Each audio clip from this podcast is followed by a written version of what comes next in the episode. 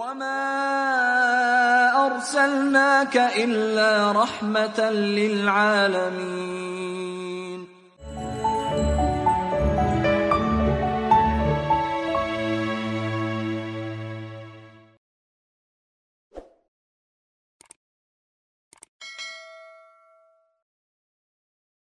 Assalamualaikum warahmatullahi wabarakatuh.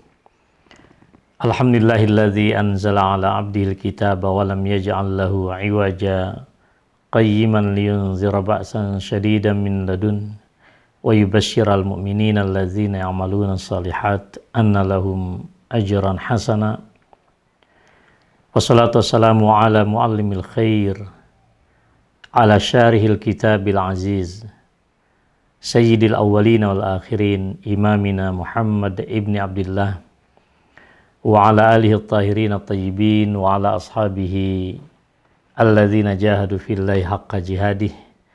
Wa ala ummatihi alladzina yattabi'una hudah ila yaumiddin. Amma ba'd. Sahabat sekalian yang saya muliakan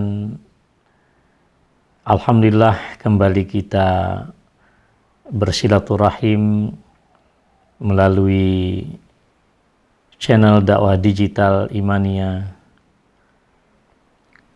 Tak letih dan tak bosan kita berdoa semoga Allah Subhanahu wa taala senantiasa menjaga Al-Qur'an di dalam kolbu kita, menjaga Al-Qur'an di dalam lisan kita dan menjaga Al-Qur'an sebagai the way of life jalan kehidupan kita di muka bumi ini.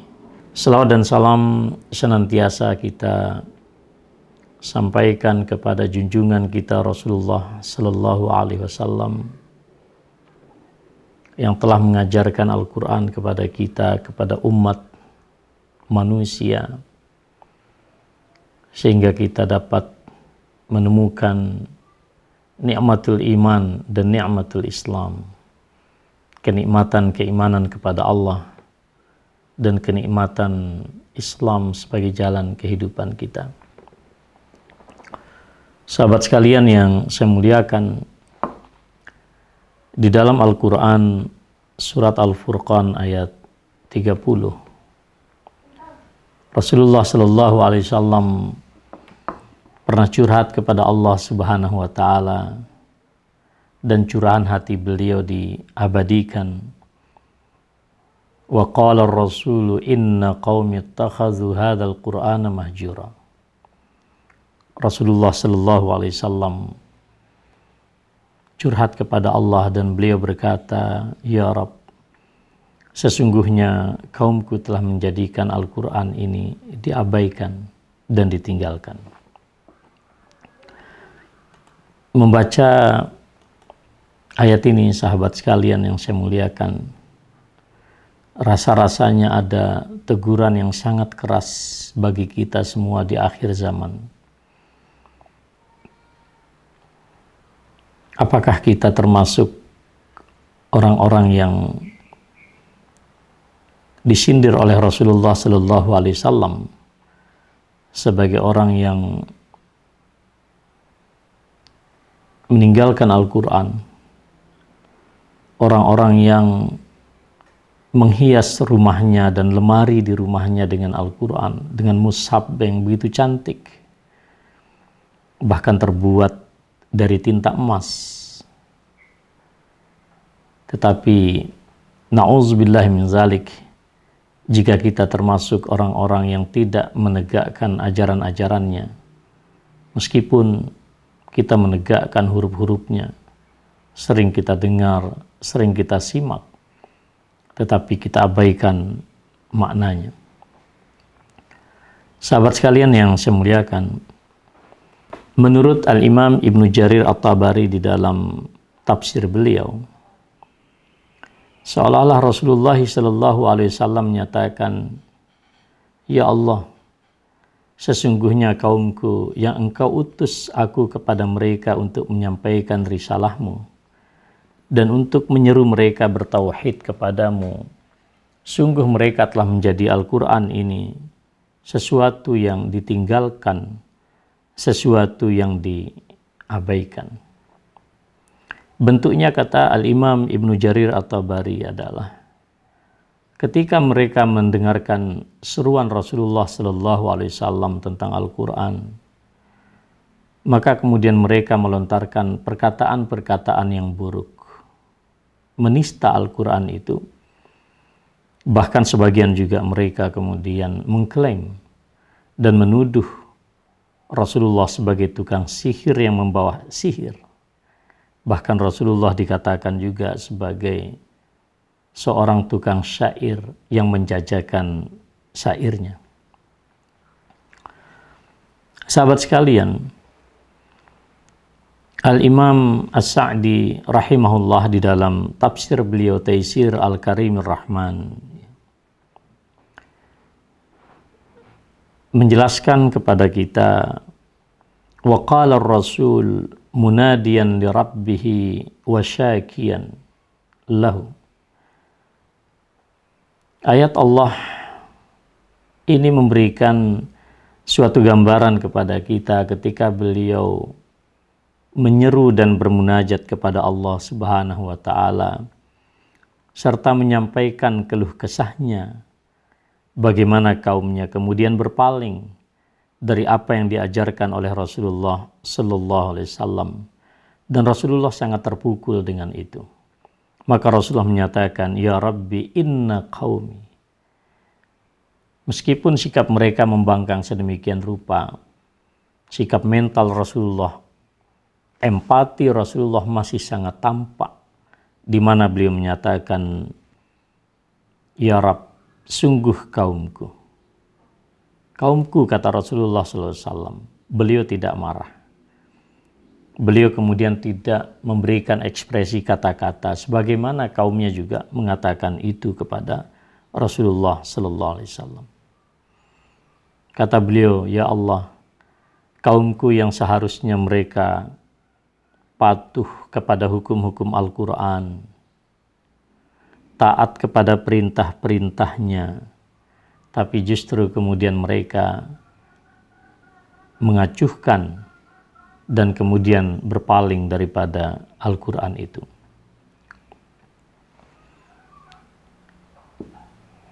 Al-Imam Ibnu Katsir rahimahullah juga menyatakan hal yang sama. Curhatan hati Rasulullah sallallahu alaihi wasallam kepada Allah Subhanahu wa taala ya qaumi inna qaumi takhadha hadzal qur'ana mahjura. Ini adalah gambaran bagaimana orang-orang musyrik seolah-olah mendengarkan Al-Qur'an tapi sesungguhnya mereka tidak pernah berkenan secara sukarela mendengarkan Al-Qur'an. Pura-pura saja mereka tampak ya, atau terlihat memperhatikan Al-Quran. Tapi sebetulnya mereka mengabaikan itu. Allah juga mengkritik sikap orang-orang musyrik di dalam surat Fussilat ayat ke-26. Wa qala alladzina kafaru la tasma'u li hadzal qur'ani wal fihi la'allakum taghlibun. Ketika Al-Quran disampaikan oleh Rasulullah SAW kepada mereka, orang-orang kafir menyatakan, tidak perlulah kalian mendengarkan Al-Quran ini dan buatlah kegaduhan. Apa maknanya? Ketika Al-Quran dibacakan kepada mereka, diterangkan ajaran-ajarannya, lalu kemudian mereka mengacaukan apa yang disampaikan oleh Rasulullah Sallallahu Alaihi Wasallam dengan melakukan kontra ucapan yang beraneka ragam. Persis seperti zaman kita di hari ini. Al-Quran menyatakan, Inna dina indallahil Islam agama yang benar di sisi Allah adalah Islam. Lalu kemudian kita gaduh dengan berbagai macam wacana dan narasi pluralisme agama yang sesungguhnya kemudian meruntuhkan makna daripada Islam yang diajarkan oleh Allah Subhanahu wa taala. Ketika Allah menyatakan la taqrabuz zina innahu kana fahishatan wa sa'a Jangan kau dekati zina karena ini jalan hidup yang sangat buruk. Lalu orang kemudian berwacana dan memberikan berbagai macam narasi Oh tidak apa-apa kalau berzina, yang penting suka sama suka. Lalu mereka menyampaikan kepada publik apa yang disebut dengan seks demokratis. Ini adalah bentuk pada masa ini sahabat sekalian. Bagaimana kegaduhan-kegaduhan ini justru dibuat oleh orang-orang yang dikatakan sebagai kaum intelektual. Persis seperti perilaku orang-orang musyrik membuat kegaduhan agar masyarakat pada masa itu umumnya yang sudah tertarik dengan Al-Quran, itu perhatian mereka kemudian menjadi pecah dan kemudian mengalami berbagai macam kekacauan wacana. Sikap inilah kata Imam Ibnu Katsir yang dinyatakan sebagai wujud nyata daripada perilaku meninggalkan Al-Quran. Selain tentu ada yang menyatakan ya menuduh Rasulullah Sallallahu Alaihi Wasallam menyampaikan ini adalah syair, ini adalah sihir dan seterusnya. Nah, sahabat sekalian yang saya muliakan, sebab itulah kemudian kita pada hari ini perlu melakukan muhasabah. Hasibu anfusakum qabla an tuhasabu. Hisaplah diri kalian sebelum nanti kalian dihisap oleh Allah Subhanahu wa taala. Apakah keimanan kita terhadap Al-Quran betul-betul keimanan yang kokoh di dalam hati dan kita ucapkan secara jujur dan tegas, tapi juga dibuktikan di dalam perilaku keseharian kita. Di dalam surat Al-Hadid ayat ke-16, Allah Subhanahu wa taala bertanya kepada kita, Alam ya'ni lilladzina amanu an takhsha'a qulubuhum li dzikrillahi wa ma nazzala minal haqq wa la yakunu kalladzina utul kitaba min qabl fatala alaihimul amad faqasat qulubuhum wa katsirun minhum fasiqun Belumkah tiba saatnya bagi orang-orang yang beriman agar hati dan kolbu mereka khusyuk untuk berzikir kepada Allah Subhanahu wa taala dan mematuhi kebenaran al-haq yang diwahyukan kepada mereka. Dan janganlah mereka berlaku, bersikap, berkarakter seperti orang-orang yang telah diberikan Alkitab sebelumnya. Lama mereka berinteraksi dengan Alkitab itu bukan pencerahan yang mereka dapatkan, tetapi justru kerasnya hati wa minhum fasiqun. Orang-orang yang fasik adalah orang-orang yang berilmu pengetahuan tapi mengkhianati amanah ilmu pengetahuan. Ahli hukum bukan untuk menegakkan keadilan tapi untuk merongrong rasa keadilan masyarakat dengan logika dan narasi hukum yang diputar balik.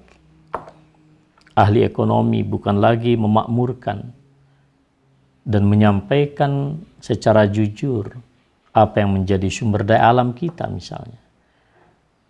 Tapi justru dengan ilmu ekonomi yang mereka raih, mereka melakukan kecurangan-kecurangan. Bahkan ada sekelompok orang juga yang mengaku sebagai agamawan, intelektual muslim, tapi justru menista ajaran-ajaran Allah Subhanahu wa taala. Bahkan mereka menjadi corong bagi suatu kemungkaran. Bukankah orang-orang yang berteriak tentang legalisasi homoseksual, menghalalkan hidup kumpul kebau, itu mereka orang yang dikenal sebagai intelektual. Tapi sahabat sekalian yang saya muliakan, dalam konteks ayat ini, perilaku semacam itu adalah perilaku kefasikan di mana ilmu pengetahuannya tidak mengantarkannya kepada Allah dan menambah hidayah kepada Allah tetapi justru semakin menentang ajaran Allah. Karena itu kita dapatkan hikmah dan ucapan kebijaksanaan dari para ulama kita.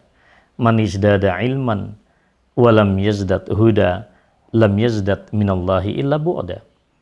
Barang siapa yang perbendaharaan ilmunya itu bertambah, tetapi tidak bertambah hidayah dan kedekatannya kepada Allah, maka orang seperti ini sebetulnya orang-orang yang sedang dimurkai oleh Allah dengan semakin jauh daripada anugerah Allah Subhanahu wa taala. Ketika surat Al-Hadid ya, ayat ke-16 tadi yang saya sampaikan sahabat sekalian. Al-Imam Ibnu Mas'ud radhiyallahu taala anhu meriwayatkan Makana baina islamina wa baina an u'tibna bihadil ayah illa arba'un sinin. Antara keislaman kami, kami masuk ke dalam Islam, sampai kemudian Allah mencelah kami dengan ayat ini, Al-Hadid ayat ke-16, itu hanyalah empat tahun, tidak lebih, tidak kurang. Allah bertanya kepada para sahabat, Tidakkah cukup waktunya? Belumkah tiba saatnya? Empat tahun kalian beriman dengan Al-Quran ini untuk menghusyukkan kolbu. Menerima kebenaran yang datang dari Allah subhanahu wa ta'ala. Penting bagi kita, para sahabat sekalian untuk bertanya pada diri kita, berapa lama sudah kita berinteraksi dengan Al-Quran? Berapa lama kita membaca Al-Quran? Menghias Al-Quran dengan suara yang sedemikian merdu. Ayat mana di, dal di dalam sekian ribu ayat Al-Quran itu yang menginspirasi kehidupan pribadi kita, kehidupan keluarga kita. Kalau boleh kita bertanya, ayat manakah di dalam sekian ribu Al ayat Al-Quran itu yang meluluhkan hati kita? Sahabat sekalian yang saya muliakan. Sementara Allah di dalam Al-Quran surat Al-Anfal ayat 2 sampai 4 menyatakan, Innamal mu'minuna alladzina idza dzukirallahu wajilat qulubuhum wa idza tuliyat alaihim ayatuhu zadatuhum imana wa ala rabbihim yatawakkalun. Al-Imam As-Sa'di rahimahullahu tabaraka wa ta'ala menyatakan, ada kalanya iman seseorang itu sempurna. Ada kalanya iman seseorang itu kemudian tidak sempurna, dia berkurang. Sebagaimana kita pahami al-iman ya kus. Iman itu kadang bertambah, kadang pula berkurang. Di dalam konteks ayat ini, Allah memberikan diksi dengan lamut ta'rif. Innamal mu'minun. Artinya Orang-orang yang dipuji oleh Allah Subhanahu wa taala di sini adalah orang-orang yang beriman yang sangat jelas keimanannya. Ah. Dan hanyalah mereka yang memperoleh ini. Apa itu? Pujian dari Allah, kemenangan yang paripurna, yang kemudian diwujudkan dalam karakteristik mereka idza dzukirallahu wajilat qulubuhum. Jika disebut Allah Subhanahu wa taala di tengah-tengah mereka di hadapan mereka, hati mereka ini bergetar. Khafat wa rahabat. Takut ya. Merasa ciut ya. Mengapa? Karena keagungan Allah Subhanahu wa taala. Nah, perasaan inilah kemudian yang membuat mereka menjauhi apa yang disebut dengan hal-hal yang haram. Jadi menurut Al-Imam Sa'di, rasa takut kepada Allah Subhanahu wa taala itulah sebab yang paling pokok mengapa seseorang itu bisa terproteksi dan terlindungi dari perbuatan dosa. Wa idza tuliyat alaihim ayatuhu zadatuhum imana orang-orang yang jika dibacakan ayat-ayat Allah Subhanahu wa taala apakah ayat-ayat itu qauliyah dalam Al-Qur'an atau juga terbentang di alam semesta? Iman mereka ini bertambah. Mengapa? Mereka tidak pernah lepas daripada mentadaburi Al-Quran itu. Mereka tidak pernah lepas dari merenungkan secara mendalam makna apa yang terselip di dalam Al-Quran itu. Mereka tidak mau kemudian mengambil sikap masa bodoh. Jika ada yang lupa, mereka diingatkan. Inilah kemudian yang berdampak pada kolbu mereka. Rasa semakin cinta kepada Al-Quran, rasa rindu kepada Allah Subhanahu wa taala tapi pada saat yang sama mereka juga mawas diri.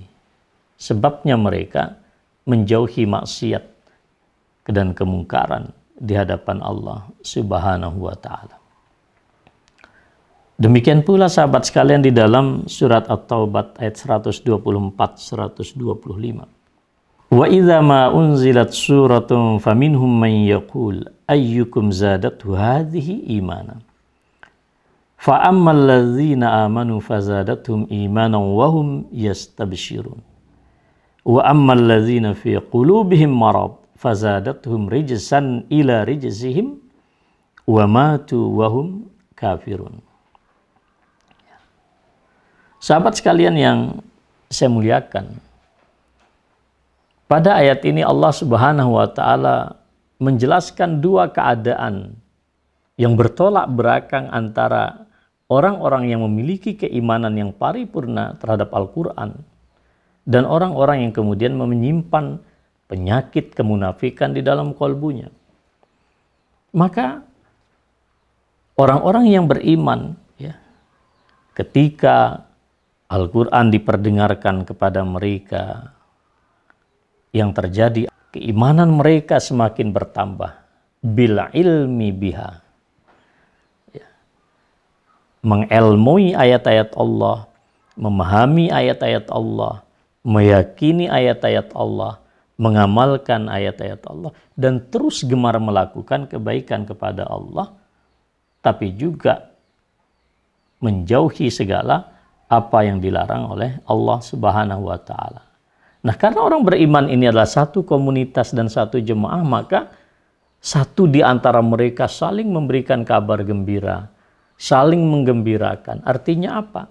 Orang yang gemar berbuat baik di dalam suatu komunitas yang gemar berbuat baik, itu akan terus saling memotivasi, tidak akan saling melemahkan satu dengan lain. Ini menunjukkan kelapangan hati mereka terhadap ayat-ayat Allah, ketentraman dan kedamaian hati mereka, dan bagaimana patuhnya mereka kepada Allah Subhanahu wa taala. Tapi nauzubillah sebaliknya apa yang terjadi kata Allah Subhanahu wa taala, wa amal ladzina fi qulubihim marad. Adapun orang-orang yang ada penyakit di dalam kalbunya, fazadatum rijsan ila rijsihim. Keburukan ya kan kejahatan, penyakit yang sudah ada semakin bertumpuk. Jika mereka ragu, keraguan semakin bertumpuk. Nah, jadi semakin mereka dibacakan ayat Al-Quran, semakin mereka ngeyel. Semakin mereka menunjukkan perlawanan. Ya kadang so ilmiah, kadang so intelektual. Tapi sesungguhnya substansinya satu yaitu adalah apa? Menolak ayat Al-Quran apalagi kemudian mereka berdalih dengan kebebasan berpikir sebetulnya tidak ada hubungannya sama sekali. Nah, jadi kalau Anda mendapatkan orang seperti itu, sesungguhnya yang ada adalah mereka sedang menunjukkan ada penyakit yang sangat akut di dalam qalb. Fi marad, fazadahumullahu marada. Di dalam kalbu mereka ada penyakit dan Allah akan tambahkan terus penyakit itu. Sahabat sekalian yang saya muliakan, Rasulullah Shallallahu Alaihi Wasallam memberikan satu kabar gembira bagi kita semua. Orang-orang yang senantiasa senantiasa sabar, tilawatul Quran, bertadarus, berkumpul bersama, saling mengingatkan. Rasulullah Shallallahu Alaihi Wasallam di dalam satu hadis Abi Hurairah radhiyallahu taala anhu, beliau menyatakan, "Wa majtama'a qaumun fi baitin min buyutillah." tidaklah suatu kaum, suatu kelompok berkumpul di satu di antara rumah-rumah Allah, ya teluna kitab Allah. Mereka mentilawahkan kitab Allah.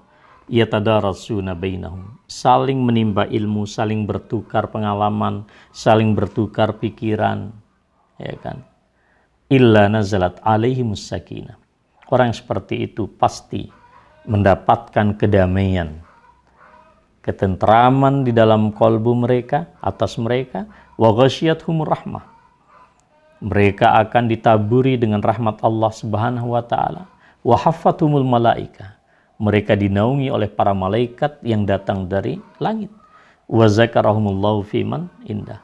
dan Allah menyebut mereka di sisi para malaikat mulia yang ada di sisinya. Para ulama menerangkan kepada kita ya, bahwa orang-orang yang melakukan pertemuan, majlis, berkumpul di dalam mentilawatul Al-Quran, mempelajari Al-Quran, baik di dalam masjid misalnya secara khusus di sini, atau kita juga yang secara media digital ya, bertemu mengkaji Al-Quran ini. Ini menjadi sebab bagaimana Allah meletakkan dan menurunkan kebahagiaan dan ketentraman di dalam kolbu kita. Wahya ma yahsul bihil safa'ul qalbi binuril Qur'an. Amalan inilah yang kemudian dengannya kita mencapai kebeningan kolbu dengan cahaya Al-Quran wa zahabi zulmatihi an-nafsaniyah. Dan ini menjadi sebab bagaimana kegelapan-kegelapan jiwa kita itu dapat disirnakan oleh Allah Subhanahu wa taala. Wa ghasiyatuhumur rahmah. Rahmat Allah itu diturunkan sedemikian rupa sampai tidak ada yang tersisa dari celah kehidupan kita. Malaikat yang bersemayam di langit turun berputar mengitari kita. Dan kemudian Allah menyebut kita dengan penuh kebanggaan di hadapan para malaikat tentang hamba-hambanya yang gemar melakukan tilawah dan mempelajari Al-Quran. Itu yang dikatakan oleh Rasulullah Sallallahu Alaihi Wasallam. Karena itu sahabat sekalian, Mengapa sahabat besar sekelas Ibnu Mas'ud radhiyallahu taala anhu meriwayatkan satu kisah beliau bersama Rasulullah. Ketika beliau bersama Rasulullah SAW menyatakan, Iqra al Qur'an. Bacakan wahai Mas'ud Qur'an ini kepadaku. Aqra'u alaika unzil ya Rasulullah. Apakah aku harus membaca Al-Quran ini ya Rasulullah sementara Al-Quran ini diturunkan kepadamu? Lalu Rasul menyatakan, Iqra' baca fa inni uhibbu an asma'u min ghairi. Sungguh aku sangat ingin mendengarkan Al-Quran ini dari lantunan orang lain. Kata Ibnu Mas'ud, faqara'tu suratan nisa. Saya bacakan suratan nisa hatta balagt. Sampailah saya di potongan ayat fa kaifa idza ji'na min kulli ummah bi syahid wa ji'na bika ala haula'i syahida. Bagaimana wahai Muhammad jika nanti di hari kiamat kami datangkan setiap rasul menjadi saksi atas perilaku umatnya dan kami akan mendatangkanmu sebagai saksi atas umatmu. Kata Ibnu Mas'ud, saya menatap ke wajah Rasulullah, beliau banjir air mata. Hadis riwayat Al-Imam Bukhari. Jadi sahabat sekalian yang saya muliakan, orang-orang yang bertilawah kata Ibnu Mas'ud, yuhallilu halalah yuharrimu haraman. Harus ada komitmen untuk menghalalkan apa yang dihalalkan Quran, mengharamkan apa yang diharamkan Al-Quran. Wa yaqra kama anzahullah. Kita membaca Al-Quran sebagaimana Allah telah menurunkan Al-Quran ini wala yuharriful kalim an mawadi. Dan kita jangan sampai kemudian melakukan perubahan-perubahan ya. Melakukan reduksi atas Al-Quran. Kita letakkan pada tempat dan maknanya.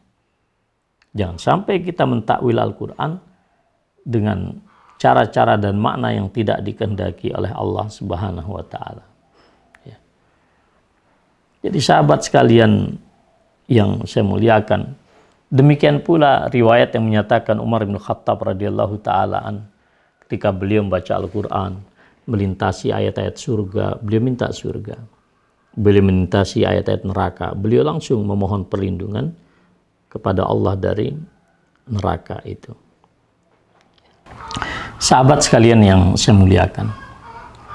Demikian pula di dalam surat Al-Furqan ayat 73 Allah menerangkan karakter ibadur rahman hamba-hamba Allah yang maha pengasih sebagai orang-orang yang Walladzina idza dzukkiru bi ayati rabbihim lam yakhiru 'alaiha summan wa. Orang-orang yang jika diingatkan dengan ayat-ayat Allah Subhanahu wa taala tidaklah mereka kemudian bersikap seperti orang-orang munafik yang tidak mau mendekarnya dengan baik. Mereka tidak berlaku tuli, mereka juga tidak berlaku bisu terhadap apa yang didengarkan. Orang-orang yang mendengarkan Al-Quran, lalu dikatakan oleh Allah wa fi adhanihim waqr, seolah ada sumbat di dalam telinga mereka. Mereka ini adalah orang-orang yang tidak pernah mau menerima ajaran Al-Quran.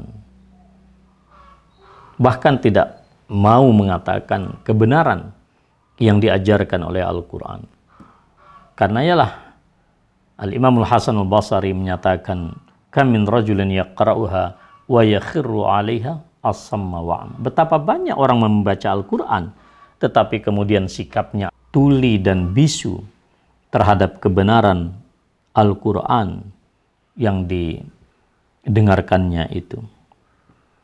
Al-Imam Ibnu Katsir ya, meriwayatkan dari Al-Imam Qatadah Walladzina idza dzukkiru bi ayati rabbihim lam yakhiru 'alaiha summan wa. Kata beliau, mereka adalah orang-orang yang tidak pernah bisu tentang kebenaran Al-Qur'an, mau mengucapkan Al-Qur'an. Ya, orang-orang yang tidak pernah buta dengan Al-Quran. Ya. Artinya mereka adalah orang-orang yang selalu mendalami makna Al-Quran serta mengambil manfaat dari apa yang didengarkannya melalui ayat-ayat tersebut. Sahabat sekalian yang saya muliakan, kemudian kita perlu juga bertanya, bagaimana caranya agar kita dapat mengambil manfaat dan petunjuk sebaik-baiknya dari Al-Quran. Al-Imam Ibnu Qayyim Al-Jauziyah di dalam kitab beliau Al-Fawaid ya, mengajarkan kita ada tiga cara yang efektif di dalam mengambil manfaat dari Al-Quran berdasarkan surat Qaf ayat ke-37 Inna fi dzalika la zikra liman kana lahu qalbun aw alqas sam'a wa huwa syahid. Sekuhnya di dalam Al-Quran itu terdapat peringatan bagi orang yang memiliki kolbu. Kemudian memusatkan pendengarannya dan dia pun juga menyaksikan apa yang didengar dari ayat-ayat Al-Quran. Kata beliau, yang pertama tentu adalah syaratnya Al-Quran. Inna fi dzalika la zikra, yaitu Al-Quran. Sudah jelas bagi kita semua. Al-Quran adalah suatu peringatan. Dan yang kedua kata beliau liman kana lahu qalbun. Syarat yang kedua adalah adanya kolbu yang bisa menerima peringatan Al-Quran ini. Huwal mahallul qabil dia adalah satu tempat atau kita ibaratkan sebagai suatu receiver, ya, suatu alat penerima. Dan yang dimaksudkan di sini adalah al-qalbul hayy, kolbu yang hidup. Ya. Bukan kolbu yang mati, bukan pula kolbu yang sakit. Mengapa? Karena Allah Subhanahu wa taala juga menyatakan di dalam ayat yang lain, in huwa illa zikr wa Qur'anum mubin liyunzira man kana hayya. Ya. Al-Quran itu tidak lain suatu peringatan dan suatu yang dibaca oleh kita jelas lagi agar dia dapat memberikan peringatan bagi orang yang hidup. Yang dimaksud di sini adalah kolbu yang hidup. Ingat, Ya, Rasulullah SAW menyatakan kolbu kita ini adalah letak di mana adanya cahaya Allah Subhanahu wa taala. Pusat daripada hakikat manusia ada di dalam kolbu. Jika dia baik, baik semua organ tubuh kita. Jika dia buruk, buruklah semuanya. Dan Rasulullah menyatakan, kolbu kita ini putih, bening, bersih. Sekali kita berbuat dosa, satu nuktah hitam diletakkan oleh Allah sampai nanti terlalu banyak dosa penuh dia dengan noda hitam sehingga dia berbalik seperti panci hitam yang berkerak. Ah, apa maknanya panci hitam? Dia tidak dapat lagi menerima air yang dikucurkan, tapi juga membersihkannya sulit karena sudah berkerak sedemikian rupa. Ini adalah kolbu yang mati. Wahua syahid. Ya, apa kata Ibnu Qayyim? Kolbu yang sehat di dalam dada kita ini harus juga hadir pada saat membaca Al-Quran. Jangan sampai kita khusyuk sekali seolah-olah kita mendengar Al-Quran dengan baik, tetapi hati kita melayang ke mana-mana. Tidak boleh lalai, ya, tidak boleh lupa dan disconnected.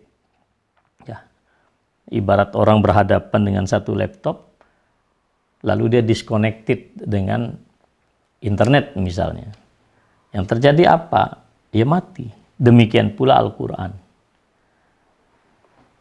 yang dibacakan tetapi kolbu kita ini tidak bersama Al-Quran. Kita memikirkan persoalan-persoalan yang lain. Maka kehadiran kolbu ini penting sekali agar kita efektif di dalam mengambil manfaat dari Al-Quran. Sebab itu Al-Imam Ibn Qayyim menyatakan, ya, فَإِذَا حَصَلَ الْمُؤَثِّرُ وَهُوَ الْقُرْآنِ وَالْمَحَلْ الْقَابِلُ وَهُوَ الْقَلْبُ وهو القلب الحي ووجد الشرط وهو الإصغاء وانتفى المانع وهو اشتغال القلب وذهوله عن معنى الخطاب وانصرافه عنه إلى شيء آخر حصل الأثر wa intifa. Jika sudah tercapai ya pemberi efek yang utama yaitu adalah Al-Qur'an ya. Di situ juga ada receiver penerima yang bagus ya yaitu adalah kolbu yang hidup. Dan ada syarat kita mau menyimak dengan baik tapi juga kolbu kita ini hadir tidak melanglang buana kepada hal yang lain. Kata Imam Nuqaim, pasti, insya Allah pasti, Al-Quran akan berdampak di dalam kehidupan kita. Sahabat sekalian yang saya muliakan, Al-Imam Ibn Taimiyah rahimahullah ketika membaca surat Al-Waqiah ayat 77 sampai 79 innahu laqur'anun karim fi kitabim maknun la yamassuhu illal mutahharun. Ya. Sesungguhnya dia adalah Quran yang mulia. Ya. Di dalam kitab yang terjaga sedemikian rupa. Dan tidaklah menyentuhnya kecuali orang-orang yang disucikan. Apa kata Ibnu Taimiyah? Fa'idha kana warakuhu la yamassu illal mutahharun.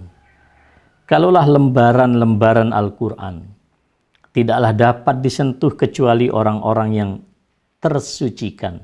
Fama'anihi la yahtadi biha. Maka makna-makna Al-Quran itu tidaklah dapat pencerahan dan petunjuk dengannya illal qulubut tahirah kecuali kolbu-kolbu yang suci. Wa idza kanal malak la yadkhulu baitan fihi kalbun. Kalaulah seorang malaikat tidak akan memasuki satu rumah di mana di dalam rumah itu ada seekor anjing. Fal ma'anil lati tuhibbuhal malaikah la tadkhulu qalban fihi akhlaqul kilab al mazmumah. Maka makna-makna ajaran-ajaran Al-Quran yang sedemikian luhur, yang dicintai oleh para malaikat, tidaklah pernah masuk ke dalam kolbu, yang di dalam kolbu itu terdapat akhlak dan perilaku anjing yang hina. Pesan Ibnu Taimiyah begitu dalam sahabat sekalian. Beliau juga menyatakan, kama annallahu al-mahfuz alladzi kutiba fi huruful Quran la yamassu illa banan tahir. Sebagaimana juga Lauhul Mahfuz di mana di sana ditulis huruf-huruf Al-Qur'an tidaklah dapat disentuh kecuali badan yang suci fama'anil Qur'an. Maka makna-makna kandungan Al-Qur'an la yazuquha tidaklah kemudian dirasakan ya illal qulubut tahirah kecuali oleh hati hati-hati yang suci wahya qulubul muttaqin. Dan itu adalah kolbu orang-orang yang bertakwa sahabat sekalian yang saya muliakan sewajarnya kita juga menyimak pesan Ibnu Mas'ud radhiyallahu taala an sesungguhnya kolbu itu adalah bejana jangan kalian pernah isi bejana itu kecuali dengan Al-Quran. Sahabat sekalian, Allahumma arhamna bil Quran, waj'alhu imama wa nuran wa hudan wa rahmah. Semoga Allah merahmati kita dengan Al-Quran, menjadikan Al-Quran ini sebagai pemimpin kita, cahaya hidup kita. Nasrun minallahi wa fatun qarib wa basyiril mu'minin. Wassalamualaikum warahmatullahi wabarakatuh.